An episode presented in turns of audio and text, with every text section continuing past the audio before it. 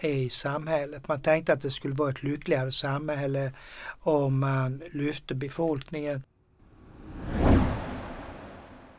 Du lyssnar på Socialtjänstpodden med mig, Susanna Alakoski. Vi pratar idag om fattigdom, social utveckling och sociala reformer i ett historiskt perspektiv.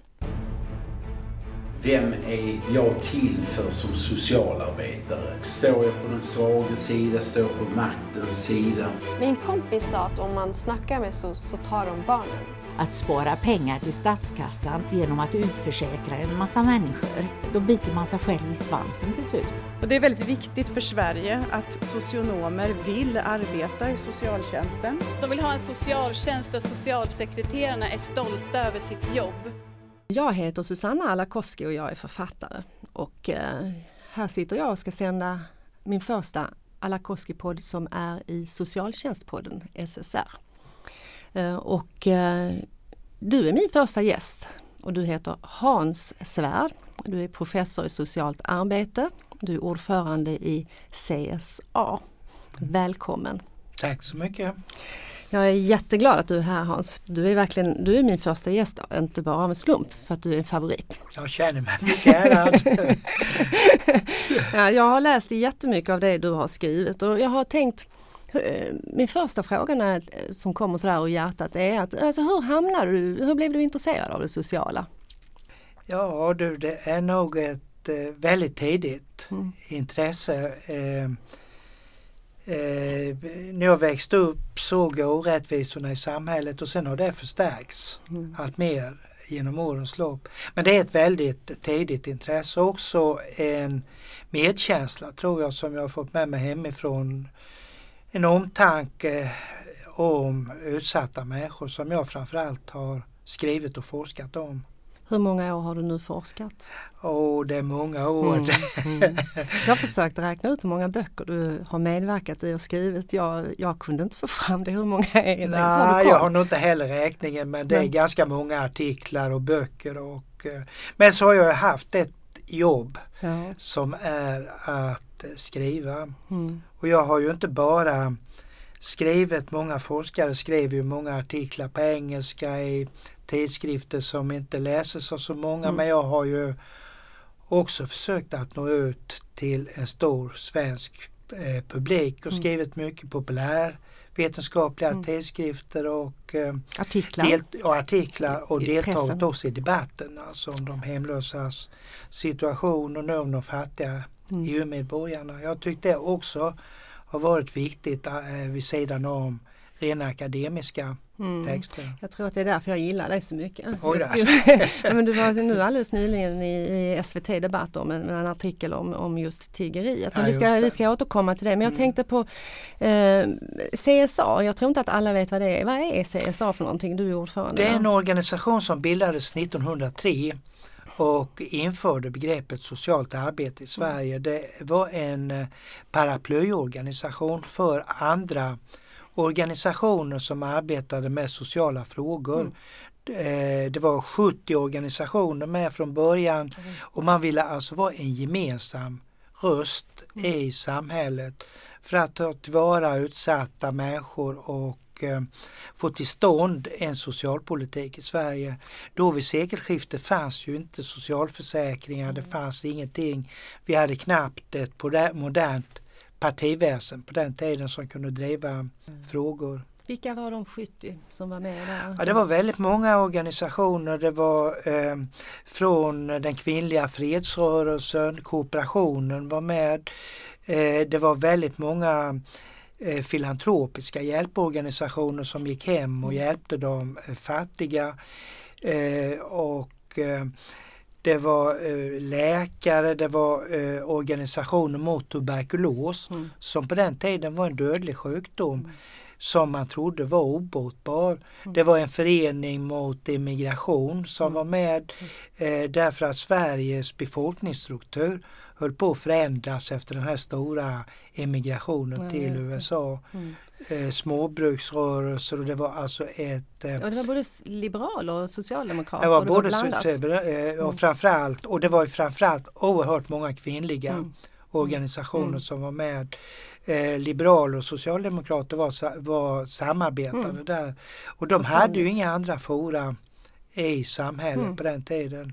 Men det- här arbetet som gjordes då, eh, va- varför ville de här intellektuella, kan man kalla dem så, eh, Ja. de hade ju tankar om eh, att höja, förändra synen på det sociala. Ja. Vad, det, vad var det de såg och vad var det de ville så att säga? Alltså det, ja, det, man hade ju olika intressen men eh, det fanns ju ett gemensamt intresse av att eh, förbättra förhållandena i samhället. Man tänkte att det skulle vara ett lyckligare samhälle om man lyfte befolkningen. Eh, sen fanns det ju också andra intressen att skapa fred i samhället. Mm. Man var rädd för revolutioner. Mm. Eh, Det kom ju sedan att eh, om folket fick det alldeles för dåligt så skulle det bli uppror. Många av de här organisationerna värnade om barnens Mm. situation Mm. och det var ju nödvändigt av ekonomiska skäl för om det gick illa för det uppväxande släktet och barnen, vem skulle i så fall ta hand om de äldre i samhället? Alltså Mm. barnen har man ju upptäckt ganska tidigt i historien att det är vår främsta resurs. Resurs, ja. De måste vi ta hand om. Men allt det här arbetet som gjordes då, det, det, CSA blev ju förgrunden för det som är dagens socialhögskola och Socialstyrelsen och sånt. Ja. Alltså det har, och det åstadkom man alltså på hur många år? 70? Ja, man gjorde ju det. CSA bildades 1903 och Mm. den första ut, socialutbi- socialarbetarutbildningen startade 1921 Ja. i Stockholm. Så Mm. det tog lite tid. Mm. Men Socialstyrelsen startade ju tidigare Mm. och Socialdepartementet. Men många av de här eh, initiativen man tog, man ville ju till exempel ha forskning i socialpolitik. Mm. Men det skulle ju ta väldigt lång tid i Sverige innan Mm. vi fick detta. det kom. organiserade forskningsutbildningar. Men eh, det ledde ändå till att det sociala arbetet professionaliserades. Ja, Du, ju- det. du har ju skrivit jättemycket om den här eh, gamla synen på, eh, alltså som handlar om välgörenhet och sen Ja. det professionella sociala arbetet. Oh, Vad ja. skulle du säga är den stora skillnaden? Ja, alltså, det var väl, eh, CSA betonade ju från grunden utbildning. Alltså de, eh, tidigare så menade ju eh, den filantropiska rörelsen att det var viktigare att man fick kunna, alltså personliga eg- egenskaper, man såg ungefär det sociala arbetet som en konst. Alla kan inte bli konstnärer eller duktiga författare utan man skulle ha personliga egenskaper. Men CSA menade ju att utbildningen var grunden, att man måste ha en utbildning i grunden. Så en av de viktigaste uppgifterna var ju att driva kravet på utbildning och kunskaper. Mm. kunskaper. Man startade ju Utbi- också social tidskrift för att man ville att människor skulle läsa Mm. och förkovra sig. Och man trodde ju också, man vände ju sig och inte bara till de fattiga utan man, eh, CSA vände ju också sig till alla medelklassen och människorna i Mm. Sverige som man tyckte var okunniga, hade Mm. satt sig in i frågorna. Man måste veta Men vad var det för, vad var det, fattigdomen. ja, och var det- var det bildningen handlade om? Det var Alltså det man- bildningen ja, det handlade om att väldigt man skulle, mycket. Va? Man skulle förstå orsaker och Ja, sammanhang och vad det precis, hade för eh, påverkan på Ja, samhället på lång sikt om precis. människor får illa och, Absolut. och ohygieniskt Ja. och, och, och allt det där. Så var det. Och man menade också att, att det var samhällsekonomiskt viktigt Mm. att få in, alltså få in människor Mm. i samhället. Utanförskap Mm. kostade mycket pengar. Mm. Det, gör det, ju Mänskligt fort, lidande. det gör det ju fortfarande, Ja. lindrigt sagt. Så är det. Men vad heter det, eh, det här det finns något, jag tror du har skrivit något sån här uttryck det här, om det här hur det sociala då växte fram. Mm. Eh, och med det sociala så växte ju välfärden fram. Ja. Eh, och om, om man tittar i ett, eftersom du nu är historiker eh, så, så är det intressant och, och om du skulle bara kunna säga hur, hur, hur har välfärden vuxit fram eh, i Sverige? Ja, äh, Sverige har ju, alltså det har ju gått ganska snabbt i Mm. Sverige. Vi var ju, visserligen fick vi eh, tidigt en eh, lag om allmän pensionsförsäkring 1913. Mm. Men på många sätt var ju i princip eh, fram till 30-talet eller kanske eh, före andra världskriget var ju Sverige eh, ett litet fattigt land i utkanten av Europa. Vi hade ju en av de säm- Europas sämsta bostadsstandarder Mm. fram till, eh, ja, fram till efter andra världskriget. Mm. Lubbe Nordström åkte ju runt på den svenska landsbygden och skrev Mm. nöden. Och eh, vi, Det var, vi var alltså väldigt sena, sent ute i Sverige så vår välfärdsutveckling har ju gått ganska snabbt faktiskt Mm. efter andra världskriget. Vad är det viktigaste som har hänt? Är det bostäderna så att säga? Ja, bostäderna tror jag Ja. är eh, en viktig sak. Sen tror jag det allmänna barnbidraget. Ja, just det, som lyfte. Det kom ju till 1948, Mm, var en viktig markör. mm, Tidigare fanns det ett behovsprövat barnbidrag men just att alla barnen fick till, tillgång till ett barnbidrag betydde oerhört mycket. Mm. Men vad, vad, kan du, du som då har eh, de här sociala reformerna i din hjärna, eh, kan du peka ut några som har, jag tänker på folkpensionen som, som eh, förändrade fattigdonen till... Ja, till det har ju naturligtvis ja. stor betydelse 1913 och den kom väl helt enkelt därför att man ville ja, ge en belöning, alltså det skulle vara lönt för människor att jobba. Mm, ett helt liv och slita och skulle man sen tillbringa ett liv i fattigdom. Eh, Men det var, ju också, det var ju också ett sätt att hindra, stoppa emigrationen till USA. mm, Den var ju eh, lika för både kvinnor och män. Det var ju ganska revolutionärt. Sen var det ju, pensionsåldern var 67 år på den 67. tiden och det var inte så, och de flesta uppnådde ju aldrig, aldrig den nej. åldern och beloppen var låga.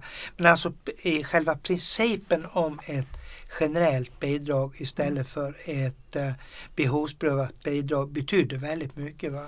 Ja. Och det är som du sa att man förvandlade en stor grupp pensionärer från fattighjon till eh, eh, folkpensionärer. Ja, Det ja. betyder väldigt mycket Värdighets- för människors värdighet och för människors inre. Mm. Vad är det för andra sociala reformer som du tänker har lyft befolkningen, de stora grupperna så att säga?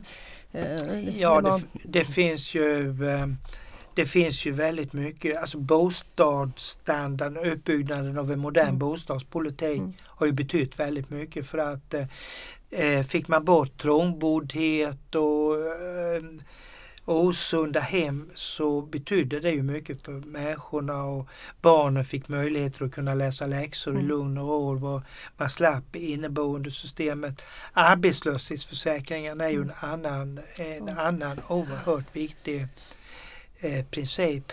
Eh, det har väl, alltså de här så ma- människor har alltså inte behövt varit oroliga, alltså den här eh, den här, alltså den här osäkerheten, den här strukturella osäkerheten Mm. vid arbetslöshet Mm. och sjukdomar Mm. har ju betytt väldigt mycket. Ja, just det, att man eh, blir, man blir lugn i man blir vet, lugnare man vet, och blir man lugnare så blir man en bättre människa, Ja. man tar bättre hand om sina barn.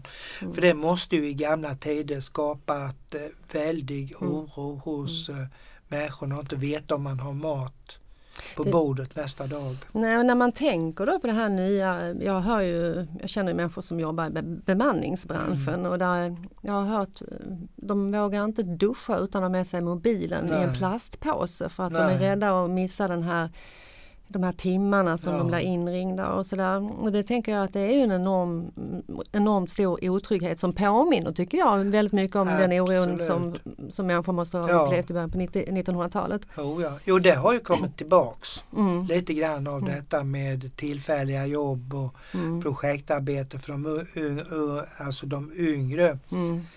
eh, människorna. Nu har man ju ändå lite mer eh, stöd idag. Vi har ju eh, ett, eh, jag menar för ungdomarna, vi har ju ändå försörjningsstöd Mm. idag men det hade man ju inte i Nej. princip inte på den tiden. Det var ju väldigt stränga regler och Mm. eh, arbetslösa fick ju inte pengar för den, på den tiden. Nej, då var man arbetslös, då var man arbetslös och då var man utan pengar. Men sen, sen har ju du, jag har ju bett dig som gäst så har jag ju bett dig att, välja ut ett, ett citat. Kan du det utan till det citatet eller ska jag läsa det? Du kan läsa upp det. Du har valt eh, en eh, nederländsk sociolog och författare som heter Abraham the Swan Mm. eh, som har skrivit detta. De fattigas problem är att hålla sig vid liv. Men fattigdomsproblemet är de rikas problem. Varför är det ett bra citat? Eh, jo, jag tror att om du tar vilket problem som helst, till exempel det problemet vi diskuterar så stort idag, eh, EU-medborgarna, de Mm. fattiga EU-medborgarna från Rumänien och Bulgarien. Eh, så, eh, och det är ju väldigt få som tillfrågar dem Mm. i debatterna, radiodebatterna och tv-debatterna idag. Eh, Men det, det, är ju huvudsakligen eh, fattigdomen för denna gruppen är ju huvudsakligen de rika staternas Mm. problem Mm. i Europa idag. Och det är ju också de rika, det är inte en slump att Vellinge som en av Sveriges Mm. rikaste kommuner vill skapa ett förbud Mm. för EU-medborgare, de fattiga EU-medborgarna. Mm. De har ju i själva verket väldigt få Mm. EU-medborgare men så har det egentligen varit Mm. Genom ihåg, historien. så har det varit. Jag reste i eh, Rumänien när jag var Mm. ungefär 18 år gammal och det är ju jättelänge sedan nu. Ja. Och då vet jag att jag såg de här, eh, alltså det var verkligen en erbarmligt och de här rucklen och husen Mm. och barnen och tiggarna på gatorna och sånt. Och sen vet jag att jag var på en fattig, eh, Mm. fattigdomskonferens eh, Mm. på 2000-talet, i början på 2000-talet och då visar de bilder från Rumänien och så ser det likadant ut. Mm. Och jag kan ju verkligen känna mig så här naiv, alltså, naiv att men alltså, var, varför, varför är inte det fixat? Ja. Varför har, inte, varför har man inte fixat fattigdomen? Ja. Om man nu vet att den är en grogrund för våld, den är en grogrund för för, för eh, förstörelse, Mm. för, för missbruk, för, för psykiskt illamående, för, för integritet, att man bor Mm. trångt och att man eh, rent psykologiskt, och du har ju funderat en hel del på Ja. detta. Eh, I bland annat en bok som heter Fattigdom utan gränser. Mm. Och jag ska se om jag kan hitta här ett, ett citat här sidan 36. Det är en väldigt fin bok detta. Mm. Du skriver så här. Eh, Många har under den senare halvan av 1900-talet också försökt väja för fattigbegreppen, hitta nya ord eller nya kategoriseringar som låginkomsttagare, underprivilegierade, marginaliserade, utsatt i utanförskap. Men själva stommen i dessa begrepp är fattigdom. Eh, Och fattigdomen har då många ansikten och dess utseende är beroende av tid, plats, samhällstyp, ideologiska idéer och värderingar. Eh, Och fattigdom handlar om relationer, moral, politik och så vidare. Mm. Om man tittar på det begreppet Mm. historiskt och hur, Mm. om man jämför det med hur man har använt det och så. Mm. Kan du säga något om det? Hur tänker du? Ja, alltså själva begreppet eh, eh, historiskt har det ju eh, handlat någonstans om att ligga på svältgränsen. Mm. Precis över svältgränsen. En av de eh, moderna forskarna eh, omkring 1900, Seaborn Rowntree, det var en engelsman som gjorde de första undersökningarna där han försökte hitta ett absolut fattigdomsstreck. Mm. Han tog hjälp av eh, näringsfysiologer och tittade precis hur mycket människorna skulle ha för att, eh, för att ha i livsmedel, en varukorgsresonemang för att inte degenereras och upprätthålla livskraften. Och sen gick han ut och tittade i York hur många som levde upp till det och så att det var väldigt många människor även bland de arbetande befolkningen. Så det är ju en sak, ett absolut fattigdomsstreck. Idag Man behöver sina, vi behöver våra kalorier. Vi behöver våra kalorier. Idag talar man ju mer om vad som är rimligt. Mm. Vi har ju i, i eh, Europa ett eh, fattigdomsstreck där man talar om de som har 60% under medelinkomsten i ett Mm. relativt land ska betraktas som relativt fattiga. Så det, det är ju alltid en, så det men det är ju väldigt, det har alltid varit mycket debatter om Mm. de här fattigdomsstrecken. Men varför, varför är man inte överens om det? Jag tänker dels är det här eh, 60 procent Ja. av den summan som det handlar om, den Ja. har väl inte förändrats så mycket? Nej, Det, den står ganska stilla genom ja. åren så att säga, så de 60 procenten blir ju lägre och lägre om man säger. Eh, För där är väl ingen eh, räntehöjning på det fattigdomsbeskrivningen. Men vi, vi, vi kan i och för sig, det är väl bara en sån här filosofisk tanke. Men jag tänker att vad, vad, är det man, vad är det man bråkar om så att säga? Då? Vad är det man inte är överens om? Alltså man bråkar i de här fattigdomsmåtten, alltså 60% av medelinkomsten Eh, det är ju egentligen, det säger ju inte så mycket egentligen Nej. om människorna utan det säger ju mer om skillnaderna mm. i samhället. För att det är klart att ökar många människor sina inkomster så medelinkomsten mm. ökar och socialbidragsnormerna inte höjs mm. så ökar ju antalet fattiga. Så, så, det är många som inte accepterar mm. mm. detta måttet därför. Mm. Sen har man ju ibland använt ett mått, nämligen normen för försörjningsstöd. Mm.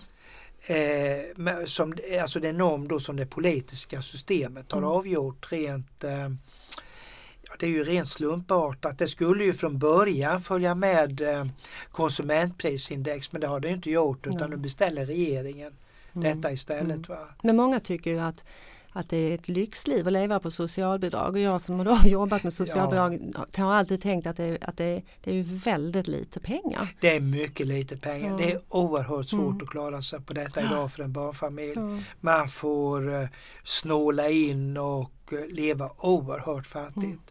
Det får man göra och sen är ju också uh, så det är mycket svårt att klara sig på det när man är när man är barnfamilj. Mm. Nu kan ju kommunen om de vill, alltså det här socialbidragsnormen är ju en nivå kommunerna inte får gå under mm. men de får ju gå över mm. den nivån så en del, en del kommuner men det är väldigt få, ger lite extra till exempel till barnfamiljer. Mm, mm. Men kommunerna har den var, möjligheten men det gör man inte. Man gör ju inte det i samma utsträckning som innan man kunde ju få hjälp till fritidsintressen Precis, sånt där som lyfte familjs ja. eh, eh, hela situation att det blev lite Absolut. roligare att leva ja. och så att man inte alltid behövde vara, ha har jätte, jätte, jättelite Nej. pengar och sådär. Men det gör man inte och alla frivilliga organisationer berättar ju idag att många barnfamiljer får ju söka sig mm. till dem för att få kompletterande mm. hjälp mm. till barnen. Ja, kyrkan tar ju mycket av den kyrkan rollen också. Kyrkan tar mycket av den rollen. Mm, mm. Absolut. Men äh, den här, äh, du har skrivit också äh, att fattigdom både minskar och ökar. Hur menar du då? det är ju en paradox. ja, det beror... ja, alltså det gör du ju. det gör du, alltså det går ju i vågor. Mm. Alltså vilket mått man än använder så har det gått i vågor mm. under eh, 1900-talet. Under 1990-talet under de här hårda eh, de, eh, krisåren mm så gick ju fattigdomstalen upp väldigt mycket. Mm. Det var svårt att få jobb. Mm. Eh, det var svårt att hitta andra försörjningar. Men staten drog ner i många andra ekonomiska. Förmåner och då ökade mm. antalet fattiga i, i samhället. Mm. Sen har det ju gått ner under bättre tider med, med bättre arbetslöshet mm. och eh, Eh, så vidare. Så det har ju varit, alltså, det har ju varit väldigt konjunkturkänsligt mm. under 1900-talet. Fattigdomen är konjunkturkänslig? Det alltså. är väldigt ja. alltså antalet är väldigt konjunkturkänsligt. Mm. Sen finns det ju en grupp eh, Sen finns det ju vissa grupper som är eh, väldigt utsatta eller som riskerar att bli fattiga. Nu har vi knutit väldigt mycket av våra socialförsäkringar till inkomsterna i mm. livet, till exempel pensionerna. Mm, och idag räknas ju all in, eh, intjänad, mm. eh, alla intjänade poäng mm. för pensionen. Och mm. det innebär att de som kommer in sent i mm. livet idag blir etablerade sent på arbetsmarknaden. Till exempel många invandrargrupper. Eh, och kvinnor. Ja, de kommer ju också, det kommer ju att bli en fattigfälla mm. senare i livet. Senare i livet ja. Det kommer det absolut göra. Jag tänkte jag, ska, jag har bett dig också att, äh, att äh, välja ut en dikt. Ja. Äh, jag tänker att även om man är professor så lyssnar man ju på både musik och läser dikter så tänkte jag. Men du har ju valt en, en, en dikt av Nils Ferlin. Ja. Jag tänkte vill du själv läsa den eller? Nej, du kan väl. Ska jag läsa du den? Läsa Cirkus Tigerbrand av Nils Ferlin. Jag lärde mig gå på händer och strax måste mamma se. Hon var den förnämsta publiken. Fem öre tog jag entré. Det var det hela var bara ett vedskjul men störde ej minsta grand. Och cirkusens namn var präktig, den hette Tigerbrand. Succén var klappad och given, parketten glad och förnöjd. Men cirkusartistens bana blev ganska brant och fördröjd. Rätt illa for han i världen och mager blev han och skral. Men ett tu tre hur det kom sig fick han upp en saltomortal. Då kom där ett pris, i våras kom där en medalj också. Det skulle ha glatt hans mor, men hon var inte hemma då. Hon reste så brått och så vida, hon är i ett annat land.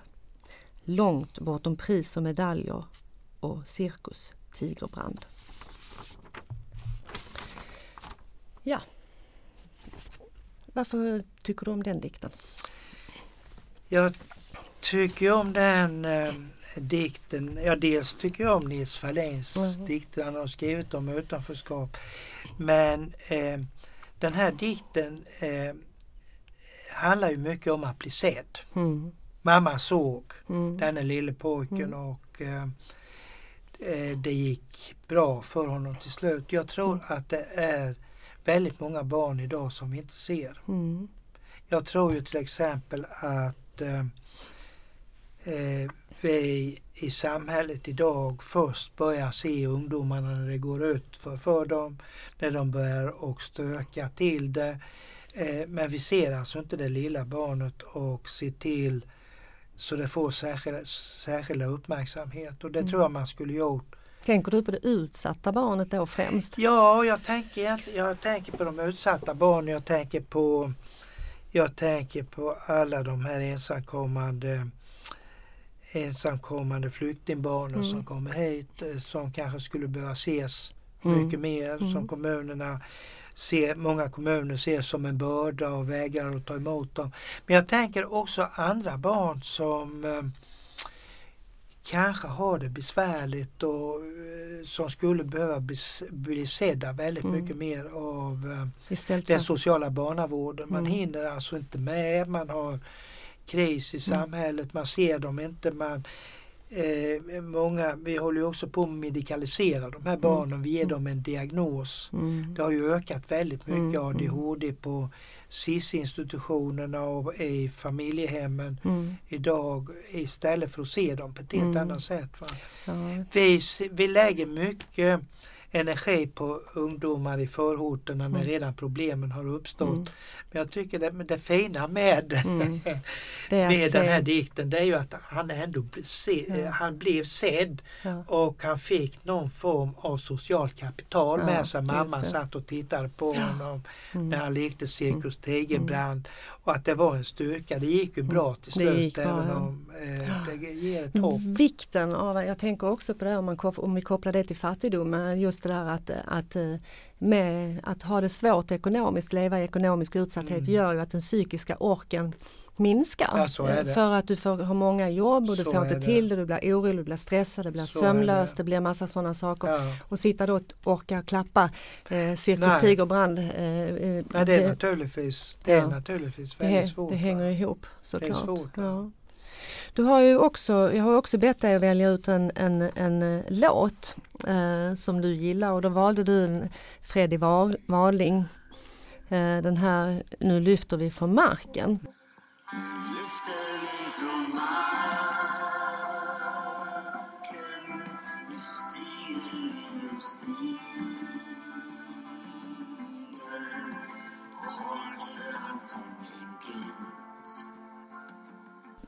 Varför tycker du om den låten? Nej, jag tycker den är väldigt positiv. Ja. Mm. Alltså jag tror vi behöver sådana tongångar i dagens samhälle. Det mm. är ju många olyckskorpar idag som tycker att allt håller på att gå ut för och eh, vi håller på att rasera mm. hela samhället. Mm.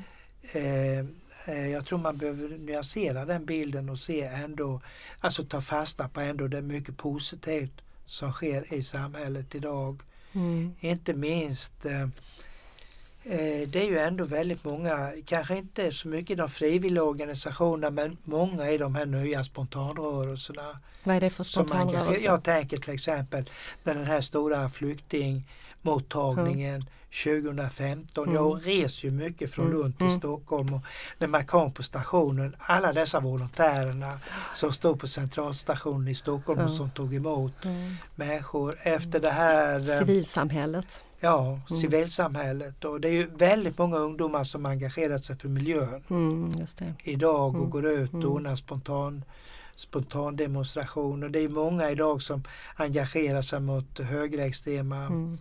Krafter. Och jag tror att man måste också lyfta Mm. fram sådana saker. Mm. Jag tänker ofta på det när jag är ute och pratar eh, på sociala eh, konferenser och, och sådär. Och jag är också mycket ute i Svenska kyrkan och gör Mm. jobb och, och jag är i skolor och på bibliotek Mm. och sånt.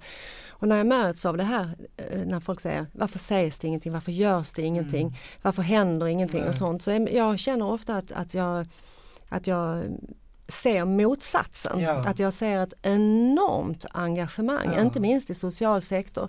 Eh, Men social sektor kommer ju inte fram riktigt. Polisen Nej. vet vi ju jättemycket om deras Mm. arbete och det, det är ju det är snarare så att när vi Mm. pratar om social, socialt arbete så uttalar sig polisen. Mm.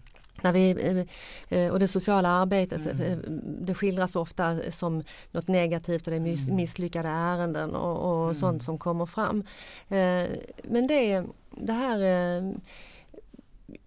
jag känner mig ibland som att jag ligger i som en bäver för att lyfta Mm. det här socialpolitiska Ja. samtalet. Där, där, att se vikten av och värdet av det sociala. Mm. Det- värdet av det sociala, vad är det? Att vi har det socialt bra. Vad är, vad är det för någonting? Ja, jag tror, alltså, jag tror att det är väldigt mycket är ju detta med solidaritet Mm. Mm. människor emellan. Eh, jag menar ett samhälle utan solidaritet och medkänsla Med de svagare grupperna. med de svagare grupperna eh, blir väldigt besvärligt. Eh, det är ju många Martin Luther King och det finns ju många eh, många filosofer som har sagt att eh, alltså värdet på ett samhälle eh, består i hur vi behandlar de allra svagaste. Mm. Därför att, och mycket av den moderna forskningen visar ju att alltså det här med väldigt stora klyftor i samhället blir, det blir ett olyckligt samhälle. Man, Har, det har man sett i historien.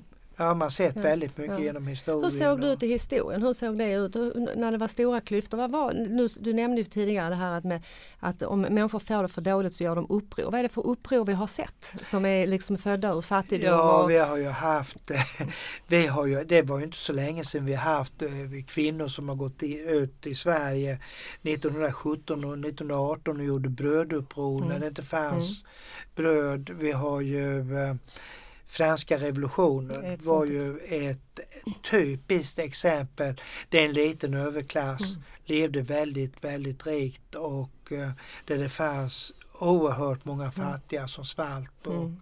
dog och eh, mycket av de här eh, deviserna frihet, jämlikhet och broderskap kom ju från franska revolutionen och har genomsyrat samhället sedan Mm. dess. Jag tror att de här värdena är viktiga att, eh, att upprätthålla Mm. faktiskt i samhället idag. Mm, jag tänker att eh, det vi, det, det vi ser idag, den där som jag då kallar social desperation Ja. som, som handlar om brinnande bilar, som handlar om Ja. förstörelse, som handlar om ett eh, otroligt eh, grovt våld och ett grovt Mm. språk och, och mycket av sånt. Och också det här att, att, att, att vi går mot, är rädd ibland att vi går mot eh, nya Mm. uppror så att säga. Och när vi tittar på historien så Mm. det har ju funnits mängder med sådana här föreningar där människor har gått tillsammans, mjölkdroppeföreningen och bröd och sånt. Absolut. Men hur såg de ut? Var de fredliga eller var de, var de upproriska också i Sverige så, att det man tog till våld så att säga på, ja. på den tiden? Vet du någonting? Alltså det har ju varit mycket demonstrationer Ja. i Sverige Mm. och vi har ju inte haft några revolutioner Nej. som i andra länder. Det har vi inte haft. Va? Men, eh, Men det är klart att det har varit hungerupprop och man, som har slagits ner Mm. av polisen. Vi har ju Ådalsstrejken där, Mm. eh, där människor sköts ner. Så det är klart att vi har haft Mm. eh, det är klart att vi har haft den typen av utbredda folkliga missnöjen. Mm. Sen tror jag att man generellt sett får eh, Alltså det ges ju en liten konstig bild av förorterna idag med brända bilar och så Mm. för det finns ju också Alltså det är ju inte bara den bilden Verkligen som finns idag. Det förekommer ju oerhört mycket engagemang Mm. och eh, ute i förorterna och initiativ. Eh, Och vad kan det det vara? Teater, eh, poesi, festivaler och Ja. det är, vad heter det, Det är det Eh, det är mat och Ja. det är eh, socialt engagemang Ja. och det är eh, säkert föräldrar på stan och det är säkert, allt det där som alla andra gör Oh, pågår där också. Är det inte så? Jo, så är det. Så är det. ja. Och det är väl också, eh, och det är ju intressant, jag menar vi har ju, jag har ju varit med en kollega Gunvor Andersson Mm. och intervjuat ute i Rosengård och vi har ju Mm. sett det också på väldigt Mm. mycket som förekommer. Sen är det lite problem tror jag med nyhetsmedierna Mm. idag. Det förekommer ju en oerhörd strid ström av nyheter och Mm. reportage, Mm. reportage och eh, Eh, alltså det är någonting i det här, eh, de här upproriska händelser och så som fångar Mm. medierna eh, väldigt Mm. mycket. Va? Men vad är det ni ser när ni är ute och pratar med och intervjuar folk? Alltså vi ser ju också att det finns, eh, vi ser ju också att det, finns, att det händer Mm. saker och ting samtidigt. De, det är klart att det finns oroliga ungdomar Mm. och eh, det finns de som bränner bilar och det finns ungdomar, eh, ungdomar som inte kommer in in i samhället. Men det finns ju eh, också vä- ett föreningsengagemang, Mm. en solidaritet i dessa områdena Mm. Och så vidare. Va? Man lever ett vardagsliv, man, Man går lever till jobbet och man lagar absolut, sin mat och ungarna går Oh, till ja. skolan och man, eh, man eh, tittar på film Ja. på kvällarna och man gosar i soffan Ja. och man bakar en kaka Ja. och, och sådär, det här vardagslivet. Det gör man absolut. Ja, Och, eh, såklart. och jag menar många vill ju och trivs i sina förorter. Mm, Alltså det mm. blir någon form av en Mm. Svart poesi som skildras om de här Mm. Rinkeby och Rosengård. Men det och- gör ju du väldigt mycket för att motverka. Jag tänker på mm, du har ju skrivit så må- jättemånga böcker. Du kommer ut nästa vecka med en annan bok här som heter Socialt arbete och socialpolitik som också är en antologi där ni medverkar ett antal forskare. Vad, vad Mm. handlar den boken om? Ja, den handlar om framväxten av socialt arbete Mm. och socialpolitik Mm. under 1900-talet. Under 1900-talet. Eh, Och vad heter det, om man ska titta på den här, jag, jag tänker ofta på eh, begreppen som vi Mm. använder. Ja. eh, eh, av eh, vad kallades socialt arbete tidigare eh, i begynnelsen? Ja, det har ju, socialt arbete introducerades ju i Sverige och ja, också i USA och andra länder omkring 1900. Mm. Men tidigare handlade det ju om filantropi och kristlig barmhärtighet, välgörenhet, eh, barnaräddning. Man var ju många barnaräddare som ville rädda de små barnen. Mm. Mm. Och det är väl just de små barnen har vi ganska lång tid i vår historia, kanske sedan 1100-talet, månat om Mm. därför att Mm. eh, när vi förstod betydelsen av att det var ju ett väldigt viktigt framtida Mm. socialt kapital. Men det är för att själva begreppet social, socialvård Ja, det kom ju jag tror på 50-talet och ja fram det kom en socialvårdslag Vårds- ja. istället för en fattigvårdslag. Så att 1956, socialt arbete ja. var fattigvårdslag tidigare. Ja det var det. Och barnavårdsarbete och nykterhetsvårdsarbete. Ja, precis. Jag har läst någonstans att, att eh, arbetarna kunde få betalt i öl. Ja, så 19- var det enligt eh, 1900-talet. Ja. gamla Mm, tjänstehjonsstadgor. ja, Och vad heter det, man tänker ju på utveckling på Ja. alkoholkliniker och allt det där. Men sen var det socialvård och efter socialvården, vad hände sen? Ja, då blev det ju eh, det, 19, efter 1982 så blev det ju socialtjänst, Tjänsten, den lagen, ja, socialtjänstlagen. och, Kommer vi eh, ändra den lagen? Kommer det heta alltså, någonting vi har annat ju i framtiden? ändrat de här lagarna eh, med jämna Mm. mellanrum under 1900-talet. Mm. Vi fick ju den första fattigvårdsstadgan 1871, den första fattigvårdslagen 1918. socialhjälpslagen 1956, Mm. socialtjänst 1982 Mm. och eh, det har alltså ändrats, eh, begreppen har blivit föråldrade, lagstiftningen har blivit föråldrade och eh, det är väl ganska stor, många som tycker att lagstiftningen bör ändras idag igen. Mm. Tycker du det? Ja det tycker jag absolut. Mm. Det tycker jag absolut. Den här, eh, den här lagstiftningen kom ju till i en, annan, eh, en helt annan situation och eh, mycket av de här ambitionerna man hade i den lagstiftningen eh, den kom ju till under, ja, under, innan de här stora kriserna Mm. kom. Det var ett annat samhälle då. Mm. Vad ser du framför dig?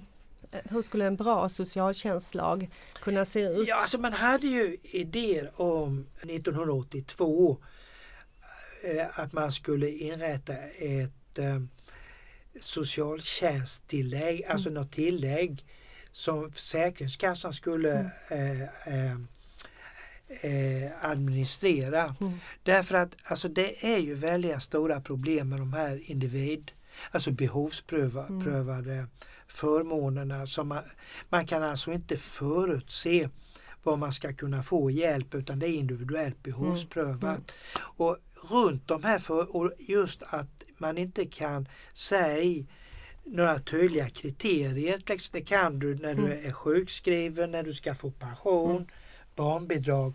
Det kan man inte med, med eh, försörjningsstödet idag. Nej. Och det skapar alltid en massa vandringssägner och eh, konstigheter som du var inne på i början. Folk säger att man kan leva bra Mm. på de här bidragen. Man säger att man kan Många säger att, att man, man hellre lever på försörjningsstöd än att jobba. Eh, Det finns såna, eh, många sådana berättelser, folkliga berättelser. Man har sett fina människor i Mercedesar parkera bakom för socialbyrån och klätt sig då i lite dåliga kläder och gått in och sökt hjälp. Och de här vandringshistorierna eller ritualiserade myterna, de kommer att leva kvar. De här myterna finns ju väl och de har ju ofta funnits omkring fattiga människor. De är ju väldigt starka idag när det gäller, eh, när det gäller de fattiga EU-medborgarna som tigger. Att de tillhör kriminella ligor, att de eh, inte behöver tigga, att de är utsatta för tvång, att de, det skulle vara mycket bättre för dem att vara hemma. Det vet, men det, är ju väl, det vet vi ju inte. Alltså vi under, så jag tror att det skulle vara bättre med, med eh, eh, bättre med eh, mer, alltså, eh, andra försörjningsformer som eh, ha- hanterades av Försäkringskassan och Som medborgarlön eller ett softsystem? Ja, någonting något sånt. Va? Det tror jag som kanske att det är svårt med tanke med med- medborgarlön men, Mm. men just något socialförsäkringstillägg Socialförsäkringstillägg. man skulle kunna få alltså till eh, Mm. Man kom in. Idag är det ju väldigt eh, slumpartat. Eh, en del, de ungdomar, till exempel, det är ju många, en hel stora grupper av ungdomar som inte är etablerade idag som går på försörjningsstöd. En del ungdomar som är eh, etablerade i, har jobbat så de kan få, och bli arbetslösa kortare tider får, arbetslöshets, får arbetslöshetsersättning medan de som inte har kommit in får gå på försörjningsstöd. Alltså, men det är väldigt lite som skiljer, skiljer, dem åt. Jag tänkte, jag får ofta frågan, Ja, varför lönar det sig? Varför, varför ska jag vara med och betala skatt till att, att, eh, att, eh, att dina ungar ska ha det bra? Varför lönar det sig att, att hjälpa människor Hans? Ja, mycket forskning visar att eh, vi alla mår bättre av om inte inkomstskillnaderna, boendeskillnaderna är eh, allt för stora. Eh, vi mår bättre av detta. Eh, vi, eh, alltså jag tror inte att vi mår så bra av att se stora skillnader och stora klyftor. Vi var ju i, i början av sommaren en kollega Alexandru Panikan som har rumänska som modersmål och jag gjorde intervjuer i en romsk bosättning i Rumänien och han är ju uppvuxen i Rumänien. Alltså folket vill ju inte se de här fattiga, man Nej. vill ju komma vill dem ifrån bort. dem och vill man vill, eh, alltså de rika vill bo för sig och eh, jag tror inte det är bra om, i ett samhälle om man inte träffar Mm. olika typer Mm. av människor, Mm. att man bara träffar människor som är lika sig själv. Mm. Jag tror det är en väldig utmaning och en styrka att kunna träffa olika Mm. typer av människor Mm. och lära av varandra. De har väldigt mycket att ge. Tror du att fattigdomen i Europa, kommer, den att, kommer, den att, kommer problemet att lösas? Nej, det tror jag inte Du det kommer inte? Jag Nej. tror inte det kommer att göra det med den nuvarande det tror jag inte det kommer att göra med den nuvarande eh, politiken i Mm. Europa idag. Det tror jag inte. eh, Bill Gates och- måste kliva in höll jag på säga. Ja, ja alltså det måste hända väldigt, det, jag tror det måste hända väldigt mycket och eh, eh, sen man måste man ju ändå ha det perspektivet att det har blivit bättre.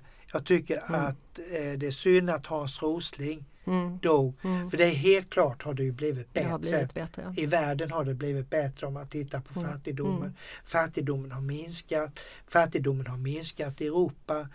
Eh, det har ju blivit mycket bättre. Jag tror att eh, det här vi ser, den här fattigdomen vi ser, den har ju funnits där också men nu har den synliggjorts. Mm. Och jag tror att det är ganska bra att Att den har sin... så, synliggör man inte Mm. fattigdomen så tror man inte den finns. Va? Nej, det är ett väldigt bra slutord. Ja. Hans, stort Ja. tack för att du kom, att Ja. du tog dig tid. Jag vet att du ska med tåget till Malmö, Jag ska och, eller till Lund Lund, menar ja.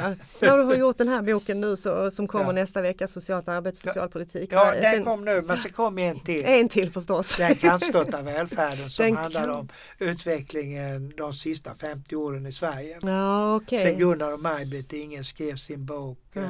Den ofärdiga välfärden. Mm. Vad fint, då har vi Ja. alla något att se fram emot och läsa och fördjupa oss ytterligare. Det är väldigt fint med nutidshistoria för den är svårast att greppa många Den gånger. Tack Hans, tusen Ja, tack. tack.